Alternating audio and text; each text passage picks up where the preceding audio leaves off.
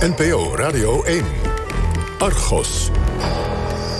Ja, en dan nu aandacht voor opnieuw een podcast over een onopgeloste moord. Want wie doodde de Groningse Els Slurink? In een woning aan het Van Brakelplein in de stad... heeft de politie vanmiddag het lijk gevonden van een jonge vrouw. Ze is vrijwel zeker door een misdrijf om het leven gekomen. In de eerste instantie wil je dat eigenlijk niet geloven. Hè? Ik heb zelfs nu nog vaak dat ik uh, iemand op straat zie lopen... waarvan ik denk van nou, dat zou Els geweest kunnen zijn. Wie vermoorde psychologe Els Slurink? Een jonge vrouw die aan het begin stond van een veelbelovende carrière. In de nacht van 20 op 21 maart 1997 wordt ze doodgestoken. In haar huis, aan het Van Brakelplein in Groningen. Wie is de dader? Een toevallige voorbijganger? Een boze collega? Of misschien toch een ex? 22 jaar gingen voorbij, maar de zaak is nog altijd niet opgelost. Nou ja, dat is niet fijn. We lossen het liefst alles op. We, willen graag de familie zeggen van... en zo is het gegaan en uh, zo is het gelopen... en die persoon heeft het gedaan. Maar ja, dat, dat, dat kun je niet. In het hart geraakt. Wie vermoorde Els Slurink? Ja, wie deed dat? Dat is de vraag die onder andere Willem Dekker en Jeroen Kelderman al een tijd bezighoudt. Zij maakten begin dit jaar voor het Dagblad van het Noorden een reeks artikelen en een podcast over deze oude, onopgeloste moordzaak in Groningen. En dat wekt natuurlijk direct onze nieuwsgierigheid, want we hebben bij Argos al twee jaar een soort gelijke podcast lopen over ook een cold case, de moord op Patrick. Daar komt bij dat we deze zomer graag de schijnwerpers willen zetten op het belang van regionale onderzoeksjournalistiek. En vandaar dat we twee makers van deze Groningse podcast hebben uitgenodigd: Willem Dekker en Jeroen Kelderman. Welkom, heren. Goedemiddag. Ja, jullie podcastserie heet In het Hart Geraakt en gaat dus over de moord op de 33-jarige Els Slurink in maart 1997. Willem, praat ons even bij. Wie was Els Slurink precies en hoe is ze aan haar einde gekomen? Nou, Els Luring, dat was een uh, veelbelovende jonge psychologe... die in, uh, net nog geen jaar in Groningen woonde. Ze kwam uit, uh, ze kwam uit Utrecht. Mm. En ehm, ze deed onderzoek naar eh, seksueel misbruikte kinderen. En ja, hoe ze aan het einde is gekomen, dat is in haar huis gebeurd. Ze is ze, s'avonds waarschijnlijk tussen ongeveer tussen 12 en 2 is ze vermoord in haar huis. Buren hebben toen gestommel gehoord, een kreet... En, uh, en vervolgens wel even stil. En, en, Jeroen, hoe is dat precies gebeurd? Want ja, oké, de dader is nog steeds niet gepakt. Anders was het geen cold case uh, geweest. Maar is bijvoorbeeld bekend met welk wapen ze is omgebracht? Ja, men vermoedt dat dat ooit met een schaar is gebeurd. Omdat er wel allerlei naaispullen in haar huis aanwezig waren. Er zat een naaimachine en allerlei andere spullen. Mm -hmm. Alleen er is nooit een schaar gevonden. Dus vandaar dat de politie vermoedt dat het een schaar geweest moet zijn. Maar ja, ook dat is niet helemaal duidelijk. Dat hebben ze Nog nooit echt mysteries. kunnen vaststellen. Ja, ja. Nou, laten we even kort luisteren naar een fragment van de podcast die jullie over de zaak maakten. We horen als eerste de broer van Els, en dat is Paul Slurink. In de eerste instantie wil je dat eigenlijk niet geloven. Hè? Ik heb zelfs nu nog vaak dat ik uh, iemand op straat zie lopen waarvan ik denk van nou dat zou Els geweest kunnen zijn. Uh, maar als je dan uiteindelijk iemand opgebaard ziet, dan uh, moet je dat wel geloven. Maar de, de hele toedracht en zo uh, van haar overlijden was natuurlijk in hoge mate uh, vervreemdend. Je, je komt uh, toch in een verhaal wat je eigenlijk anders gefantaseerd had. Of wat je, ja, wat je niet gefantaseerd had misschien juist. Dus, en het is, het is een enorme schok geweest voor de hele familie, denk ik. Ook op, op de lange duur. Ja, het is een gat in de familie. Wie heeft Els vermoord en hoe komt de dader binnen? Heeft Els zelf iemand binnengelaten via de voordeur? Of barriert de dader via de achtertuin en de keukendeur haar huis binnen? De politie vindt een zolafdruk van legerkistjes in haar achtertuin. Is het een spoor van de dader? Onder Els vingernagels blijkt DNA-materiaal van een onbekende man te zitten. Op het aanrecht vindt de politie tussen ander gebruikservies een limonadeglas. Daarop zit de vingerafdruk van een onbekende man of vrouw. Veel sporen zijn het niet en de politie duikt in het leven van Els. Ja, veel sporen zijn het niet, maar er zijn dus wel sporen. DNA, vingerafdrukken op een limonadeglas. Willem, waar kon de politie daar niks mee dan?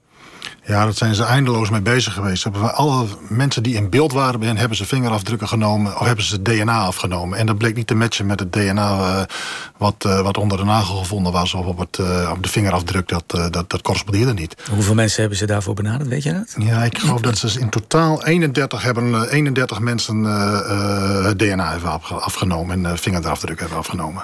Dus 31 potentiële verdachten ja. zijn het dan, of ja. niet? Ja. En die matchten niet? Die matchten allemaal Hmm. niet, nee. Nee. Um, gebrek, misschien even goed om te ja? vertellen. Het DNA-spoor was, een, was, een, was een, niet een heel denderend DNA-spoor. Dus het was een, een, gebroken, een gebroken spoor, zeg maar. Dus ze konden alleen daarmee uitsluiten. Dus ja. uh, vandaar. Uh, en, en, en, en om een match te maken hebben ze nog later... hebben ze met nieuwe technieken, zijn ze nu nog mee bezig... om proberen, het is nog een laatste kans, zo heeft de politie mij verteld... Ja? om er een beter spoor uit te halen. Want dat is nog steeds mogelijk, zoveel jaar na dato. Ja, ja. Hey, en Jeroen, er werden in dat uh, voorjaar, heb ik me laten vertellen, in 1997 wel meer vrouwen in Groningen uh, vermoord. Onder meer de stu een studente, Anna Ruiter de Wild. Ja.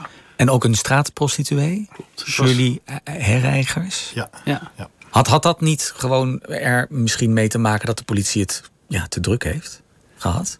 Ja, als je, als je de verhalen van oud-politiemensen hoort daarover hoe het er in die tijd aan toe ging bij de politie. De politie zat destijds ook midden in een reorganisatie. Uh, uh, mensen die al heel lang regisseur waren, die moesten de straat op om, uh, om te gaan surveilleren en boeven te vangen. En er waren allerlei wisselingen. En het was heel druk. En dat bij elkaar zou ervoor gezorgd kunnen hebben dat deze zaak toch met, ja, met mensen aangepakt is die daar ehm, ja, minder talent voor hadden. Kan ik, zo kan ik het denk ik voorzichtig zeggen. Je kijkt naar Willem, weet hij dat beter? Ja, denk, ja, is dat zo? Ja, ja. Nou, weet je, er, er zijn, in, even terug te komen, in de, in de lente, in de lente van 1997 zijn er zeven, zeven moorden geweest in Groningen. En, oh, dat waren er nog maar twee die ik noemde. Ja, er waren nog, ja, ja, ja, ja, Dus, zijn, dus de politie was eigenlijk overbezit. En wat Jeroen ze zaten in een reorganisatie van gemeentepolitie en rijkspolitie tot één politiekorps. Dus er was ook een hele banencarousel aan de gaan. Dus het, het kwam op een uiterst ongelegen, ongelegen moment. En ook aardig om te vertellen was, is dat het op het moment dus dat zij vermoord werd, was er in Groningen s'avonds een, een, een, een, een, voetbalwedstrijd, FC Groningen NAC aan de gang, waar er ongeregeldheden in de binnenstad uit, uh, uitbraken. Dus daar moest het hele korps moest daar ook naartoe. Dus Oh. ja, Ja. zo zijn er misschien wat sporen. Dat hoor je later ook van mensen die wij gesproken hebben. Of getuigen zijn niet gehoord. En, en er zaten heel wat gaten in het onderzoek in elk geval, kwamen we tegen. Uiteindelijk worden er na een paar jaar, want jij zei Jeroen, misschien zijn er aanvankelijk mensen opgezet die niet al te veel ervaring uh, hadden. Uiteindelijk worden er nieuwe mensen bijgezet, heb ik begrepen. Ja. Mensen met meer ervaring. En die gaan allerlei scenario's bedenken. Wie zou het kunnen hebben gedaan gezien het leven dat Els Sturing leidde? Hè? Klopt. Wat, wat, wat voor scenario's lagen er op tafel? Ja, ze zijn gaan zoeken in, uh, in de buurt. Uh, met name ook dat legerkistje, die afdruk uh, die in de tuin gevonden is. Nou, wie loopt er op legerkistjes? Nou ja, dat was uh, een, een, van, de, van de buurmannen, zeg maar. die oh ja? ook wel, die ja. ook wel ja, klusjesman was. Een soort huismeester was dat. Mhm. Mm -hmm. En, ja, en ook een cliënt uh, van, of het is ja, uh, het, heeft, het gaat wat verder, dat heeft mee met haar werk te maken. Ja. En ze hield zich natuurlijk bezig met onderzoek naar, naar misbruikte kinderen. Ja. Uh, mannen werden daarvan beschuldigd. En ook een van die mannen zou wel eens verhaal kunnen zijn komen halen bij, bij Els. Ja, en ook een van die mensen liep wel eens op legerkistjes. Dus zo zijn ze een heleboel mensen langs gegaan. En dat, dit zijn de, scenario's die bij het legerkistje horen. Maar er zijn er nog veel meer scenario's uh, bijgehaald en, en langsgelopen. Noem er nog eens één. Ik hoorde liefdesleven, heeft dat er iets mee te maken? Liefdesleven zou kunnen. Ze had, Hoezo dan? Uh, nou ja, ze was uh, ooit getrouwd. Heeft uh, een man zijn hart gebroken. Nou ja, heeft die het dan niet gedaan? Heeft hij niet wraak willen nemen ja. op, op Els? een ander scenario is een vergismoord. de buurvrouw scheen ook nog wel wat vijanden te hebben. Is iemand wraak komen nemen met de buurvrouw... maar heeft zich vergist in het huis? En ook hoe, een scenario. En, en hoe gaan jullie daarin dan te werk? Want dit zijn scenario's die jullie, denk ik, niet zelf hebben bedacht, Willem? Nee, nee. Die, die zijn, dit zijn scenario's dit van zijn de politie? scenario's die hebben we ook uit de politierapporten kunnen, uh, kunnen halen. Niet dat wij het dossier mochten inzien, maar die hebben we wel boven water weten te krijgen via andere wegen. Ja, en dan moet ik zeggen, ik hoe dan? Hoe dan? Niet. Hoe dan? ja, maar dat zal ik, zullen we maar niet doen. Bron, bronbescherming heeft het mee te maken, hè? even voor de duidelijkheid. Ik heb scenario's gelezen. En wij dachten ook toen wij ermee bezig waren, nou, dit moet het zijn. En totdat we het volgende scenario, nee, dit, dit, moet het zijn. En, en we komen bij haar werk terecht, we komen bij de buren terecht, we komen bij haar liefdesleven terecht. En misschien even te vertellen, op, uh, zij had ook net weer een bloeiende liefde. Die ging uit omdat de man toch bij zijn vrouw wilde blijven. Dus ja, is, en, en uh, toen was ze boos. Maar ze wilde, zij wilde, hij wilde haar wel blijven zien. Zeg het maar. Hè.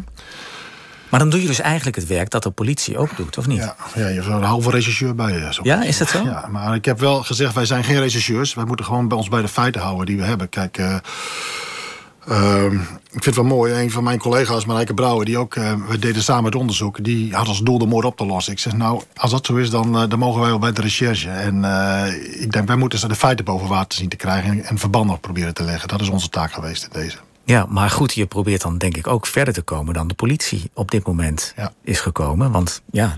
Het is een cold case geweest. Dus je, gaat, je gaat de getuigen weer eens spreken en kijken waar de gaten zitten. Hè. Eh, dat, uh, mensen vertelden ook dat ze bijvoorbeeld pas veel te laat waren, uh, waren gehoord. Dus dat er al, ja, dat dat dan, dat mensen al met elkaar zouden hebben kunnen gepraat van. Oh ja. Dat soort dingen kwam je dus ook tegen. Ik hoorde ook nog iets dat er misschien uh, een scenario zou kunnen zijn dat zij iets um, te weten was gekomen over mogelijk fraude in de boekhouding. Ja. Op haar werk. Hoe zit dat precies? Ja, dat klopt. Zij werkte bij het Diagnostisch Centrum in Groningen.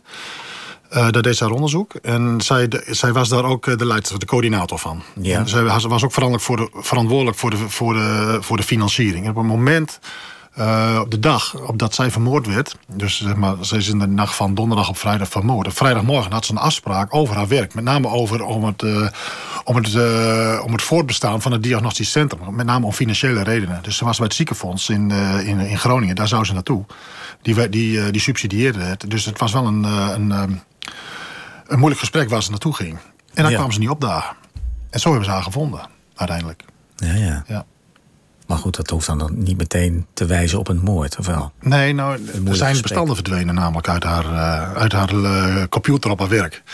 Het waren uh, elf, elf grote bestanden, waarvan twee financiële... en één die te maken had met, met cliënten. Dus wat Jeroen net zei van, van, van mannen yeah. die verdacht werden van seksueel misbruik. Dat is natuurlijk, als je daarvan verdacht wordt... en je hebt een vooraanstaande positie, zat onder meer een predikant zat ertussen... ja, dan heb je wel heb je wel grote kans dat jouw carrière beschadigd wordt. Ja. Dus dan heb je een, zou je een motief kunnen hebben. Daar komt nog bij dat er een paar weken voor haar dood iets vreemds is gebeurd. Uh, iets vreemds in het leven van Els uh, Sluring. Laten we heel even luisteren naar een fragment daarover. We staan in een onogelijk brandgangetje achter de Van Spijkstraat, niet ver van het Van Brakelplein. Bij een putdeksel. Wat heeft deze putdeksel met de zaak Els Sluring te maken? Dit uh, putdeksel is een uh, aantal weken voor uh, de moord op Els Sluring... door haar raam gegooid aan het Van Brakelplein. Midden in de nacht, rond een uur of twee. Zeer vreemd, want dat ding is erg zwaar. Je moet er wel een kleine 250, 300 meter mee sjouwen. Dus vandaar een vreemde zaak is. Het is eigenlijk nooit bekend wat het met, Els, met de zaak Els Sluring te maken heeft. Maar het feit dat het gebeurd is, een paar weken voor haar dood, wel bijzonder. Ze heeft daar aangifte van gedaan. En wat we weten is dat zij uitging van ja, een poging tot inbraak. Omdat diezelfde nacht ook haar fiets verdwenen is. Ze heeft nog wel iemand weg zien lopen, heel vaag. Ze heeft nog geroepen. Maar ze heeft de, de dader niet, uh, niet herkend. En inderdaad, diezelfde nacht is ook haar fiets, die achter in de tuin stond die is, uh, die is ook verdwenen. Ja, mysterieuze details in het leven van Els Slurink uit Groningen. Elk enkele weken voordat zij in haar huis werd doodgestoken. Dat is nu 23 jaar uh, geleden. Jeroen, is dit nou een, een, een detail dat jullie zelf uh, boven water hebben gehaald? Of is dit ook, komt dit ook uit het politiedossier? Dit komt uit het politiedossier. En we ehm, we wisten, het, eh, we wisten het eigenlijk ook wel. Het is volgens mij wel eerder in de, in de, in de aandacht geweest. Er is ook wel eerder aandacht aan deze, deze zaak besteed door, eh, door Peter de Vries bijvoorbeeld. Hmm. Uh, Maar ja, ook dat heeft niet echt geleid tot, uh, tot een oplossing. Het is, het is een zaak die, die af en toe weer, weer, weer boven water komt drijven als cold case. Van wat is er nou met El Sluring gebeurd? En wij vonden hem ook in die zin heel interessant om, uh, om, om eens in deze zaak te duiken, deze cold case. Van wat is hier nou eigenlijk gaande? Ja, want dat vroeg ik me af. Waarom, hoe ontstond eigenlijk het idee om specifiek deze moord te onderzoeken? Uh, Willem zegt net, er waren zeven moorden in het Groningse in, die, in dat voorjaar. Ja, dat klopt. Nou, Waar, waarom pikten jullie deze eruit? Nou, wij even, even terug. We, waren, we hadden een podcast gemaakt over de zogeheten kofferbakmoord. Dat, de moord op Ralf Meijnema, dat is nog een van kort geleden. Dat is een, uh, drie jaar geleden geweest. En ja. dat was zo'n succes dat we daar, hier geven een vervolg aan. En hebben we alle zaken naast elkaar neergelegd. En toen rolde deze er al, al bovenuit. Met name omdat er zoveel scenario's waren. Een aantal, een aantal van die zaken die je net noemde zijn gewoon opgelost. Deze bleef dus liggen. Het was een veelbelovende jonge vrouw. Ze is naar huis vermoord. Er is een schaar ontbreekt. Er is een sporen zijn miniem. Dus dit intrigeerde ons. En dat kwam bij collega's ook. We hebben met een, met een, ik geloof met vier, vijf man hebben we het erover gehad. En deze sprong er echt bovenuit. En ook in de periode, het is heel lang stilgebleven. Mensen wisten het bijna ook niet meer. Hmm. Kijk, de moord op, uh, op, uh, op Anne Ruiter de Wild... die heeft landelijk ook heel veel aandacht getrokken. Maar deze, deze dus niet. Zijn de Peter de Vries ook in opsporing verzocht. Is, is hij ook een paar keer geweest. Twee keer geloof ik. En, uh, en, daar kwamen ook, ook, ook de feiten van de putdeksel kwamen daar naar boven. Maar ook vele nieuwe feiten kwamen daar ook niet weer verder boven water die we niet wisten. Nee. Ik, ik zei al aan het begin van het gesprek, ook bij Argos de, uh, zijn we bezig met uh, een, een soortgelijke podcast. Onze collega Sanne Boer is daar al twee jaar mee bezig. Uh, een cold case gaat over de moord op Patrick van der Bolt uit Heerlen in 2002. Je merkt dat die podcast relatief veel luisteraars trekt. En dat ook mensen op een of andere manier begeesterd raken. Die gaan meedenken, die zou het kunnen hebben gedaan. Hier zou de politie nog verder kunnen, kunnen speuren. Merken jullie dat ook bij deze podcast die jullie maken? Ja, wat ja ik krijg nog vrij, vrij regelmatig reacties van mensen die hem, die hem geluisterd hebben. En die zeggen, goh, ik heb hem gehoord, interessant. En ja, nou, echt tips hebben we er niet, niet, niet direct uitgekregen uit die podcast. Die kwamen voor mij meer van de artikelen in, in de krant. Maar echt, ja? Ja, de gouden tip, nee. Die hebben we nog niet gehoord. Maar mensen gaan wel meedenken, dat merk ja, je wel. Mensen denken ook in scenario's. Denk daar, daar, daar eens aan. Ja. Maar sommige, je krijgt ook tips binnen waarvan je denkt, ja, dat kan niet geweest zijn. Dat, is al, dat, hebben wij, dat, dat past niet in de tijd. Hè? Dus, Mhm, dat, uh, mhm. Ja. dus die kun je dan gewoon naast je neerleggen. Zeg maar. maar we hebben, ik geloof in totaal 14 of 15 tips hebben we gewoon gekregen. Ja, ja. Want jij zei net, Willem, jij zei net, um, de vorige podcast, uh, de over de kofferbakmoord, die was heel, hoe noem je dit, succesvol? Ja, die is heel Wat, ja, die is, wat die, maakt dat dan succesvol? Want succesvol bedoel je dan als, Nou ja, als wat? Uh, nou, nee, niet, we hebben de moord niet opgelost. Die is nog steeds niet opgelost trouwens. Maar uh, we hebben heel veel, uh, er is heel veel bereik gehad. Heel veel, ik geloof, we hadden het er net even over. Ik geloof ruim 250.000 keer is die beluisterd. Ja, geloof ik. En, ik kan ernaast zitten, ik heb de precieze cijfers daar niet van. Ja. Maar wel veel in ieder geval. En zeker omdat het een eerste podcast was, was ja. dat uh, voor ons ook wel een motivatie om, om daar als Dagblad van het Noorden mee door te gaan. Ja. En, en wat maakt het dan zo succesvol? Want je hebt het idee dat, dat dit genre met name, dat true crime, zoals dat dan heet, geloof ik, ja. Uh, aanslaat. Wat? Mensen zijn ermee bezig. Mensen willen heel graag, is mijn indruk, meedenken en proberen toch uh, een, dader uh, te pakken om, om die moord op te lossen. Om er toch achter te komen wie heeft het nou gedaan en waarom. Want die vraag waarom is Els vermoord, die houdt ons ook nog steeds bezig. De, daar weten we het antwoord niet op. Ja, ja. Je kunt alleen maar denken, het zou misschien dit of het zou misschien dat. Maar er zijn zoveel mogelijkheden. En wat maakt het maatschappelijk relevant? Want je zou kunnen zeggen, ja, één moord. Dan, dan spendeer je zoveel tijd en aandacht en menskracht aan, aan deze zaak. Terwijl ja, er zijn zoveel andere problemen ook. Er zijn zoveel andere moorden ook gepleegd. Ja, dat is ook een stukje hè, de controlefunctie die wij als journalisten hebben, denk ik. Van hoe heeft de politie zijn werk toen eigenlijk gedaan? En nu werken heel veel mensen niet meer bij de politie. Die kunnen misschien, hè, die destijds daar wel werkten, die nu toch vrijer zijn om te vertellen hoe, hoe het allemaal in zijn werk ging. En Want hoe werkt, ging dat? werkt de politie mee met jullie podcast? Bij, bij ons, uh, wij hebben weinig succes tot uh, dusver bij de politie in Limburg, waar die zaak van Patrick van der Bol speelt. Nou, we hebben goed contact ja. met de politie. Alleen um, ja, inzage in een dossier of inzage in een agenda van Els bijvoorbeeld. We mogen de buitenkant wel zien en de dossiers in de kast hebben we mogen fotograferen, mogen filmen. Maar er echt inkijken, uh, dat niet. Nee, nee, we hebben wel uitgebreid kunnen spreken, ook met uh, regisseurs van destijds. destijds. We hebben met, On the record ook? Ja, onder record. Ja, ja. je hoorde net ook een stukje. Was net, uh, er kwam een van de regisseurs van het eerste uur kwam even aan het woord. Die werkt nog steeds bij de politie, een vrouw. En uh, we hebben ook met, uh, met de huidige cold case coördinator... hebben we ook, hebben we ook gesprekken gevoerd over deze hele zaak. En, um, en uh, zij hebben ook het contact bijvoorbeeld gelegd met de familie. Want dat is wel moeilijk. Als de politie dat, even, dat voor jou zou willen doen... dan, uh, dan, uh, dan is het ijs even gebroken. Dus dan, ja. en dat was gelijk, er was gelijk een klik met. Mensen willen wel mee, graag meewerken. En, en helpt het dan ook dat jullie in het noorden werken? onze collega Sander Boer die reist de hele tijd naar ja, Limburg wij, vanuit, wij, vanuit, wij, vanuit de Randstad. Wij, kennen veel politiemensen natuurlijk. Hè, en ja. We hebben bijna dagelijks contact mee. Dus dat is wel, denk ik, wel een voordeel. Heeft dat meegespeeld? Ja. Dat weet ik niet of dat... Kan beter hoor, wel uit jullie uitdrukken. Ik werk niet heel vaak in Limburg. Dus nee, maar Kijk, ze, ze, kennen Jeroen, ze kennen mij, ze kennen, ze kennen ons al jaren, dus ze weten ook een beetje hoe we werken. Dus dan heb je misschien wel een beetje meer dat je zegt, oké, nou ja, dit is, dit is echt serieus werk, gaan ze hiervan maken. Dus dan, ja. dat willen ze van mij. En politie zelf ook, ze stond ook op de, ze staat dit jaar op de cold case kalender, dus dat hadden we, dat wisten wij niet, maar dat is dus ook, uh, ook gebeurd. Eh. Want even cold case kalender? Ja, de cold case kalender is ook een, is een, uh, is een, is een kalender waar die elk jaar uitkomt. Dat is een overgewaaid uit Amerika. En, uh, Kun je niet in de supermarkt kopen, hè? Dat is nee, die, nee, nee, nee die, die, die wordt verspreid. Uh, ook in gevangenissen met name. Om, om proberen toch mensen aan het praten te krijgen. Verdachten aan het praten te krijgen. Of, of die onderling uh, die onder, bij, ja, bij elkaar uh, sporten of iets dergelijks. Dat ze toch over bepaalde zaken spreken. spreken. En in Amerika is dat vrij succesvol geweest. Hier in Nederland valt dat nog mee. En wordt dat, zou een, dat zou kunnen helpen. Dat, dat zou kunnen helpen om het op te sporen. Ja. En jullie hadden ook de beschikking over een dagboek van, van Els. Van, de, van het slachtoffer. Fragmenten. Zodat het in de podcast soms lijkt alsof ze zelf spreekt. Hoe, hoe kwamen jullie aan haar dagboek? Die hebben onder meer van de familie gekregen. Die, uh, die, waren, die, werken volop zij Werkte, zij werkte namelijk op haar, uh, op haar uh, laptop, deze dat. Ze had als een van de weinigen destijds een Toshiba. En dat was haar... dat was haar, dat was haar dat was Koninkrijk dat ze dat ding kreeg. En daar mm -hmm. stond alles, daar stond een, tikte, tikte ze haar dagboek op. Ja, en die, en die heeft de familie later teruggekregen. Ja, ja. Prins, prins hadden ze daarvan.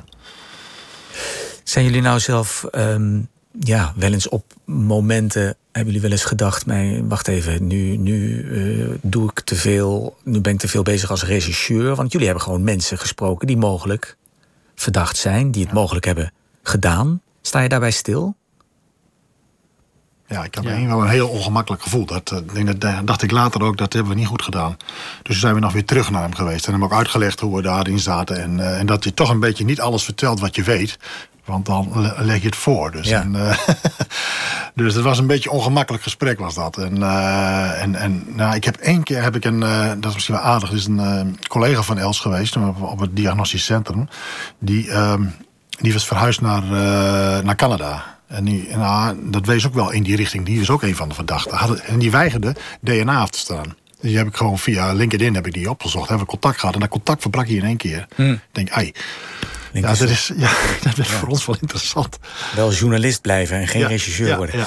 Heel veel uh, dank voor jullie komst, Willem Dekker en Jeroen Kelderman. En de podcast en de verhalen over de moord op Els Sluring zijn te vinden op de site van de Dagblad, het Dagblad van het Noorden. Er staat ook nog een link op onze eigen site, argosvpro.nl.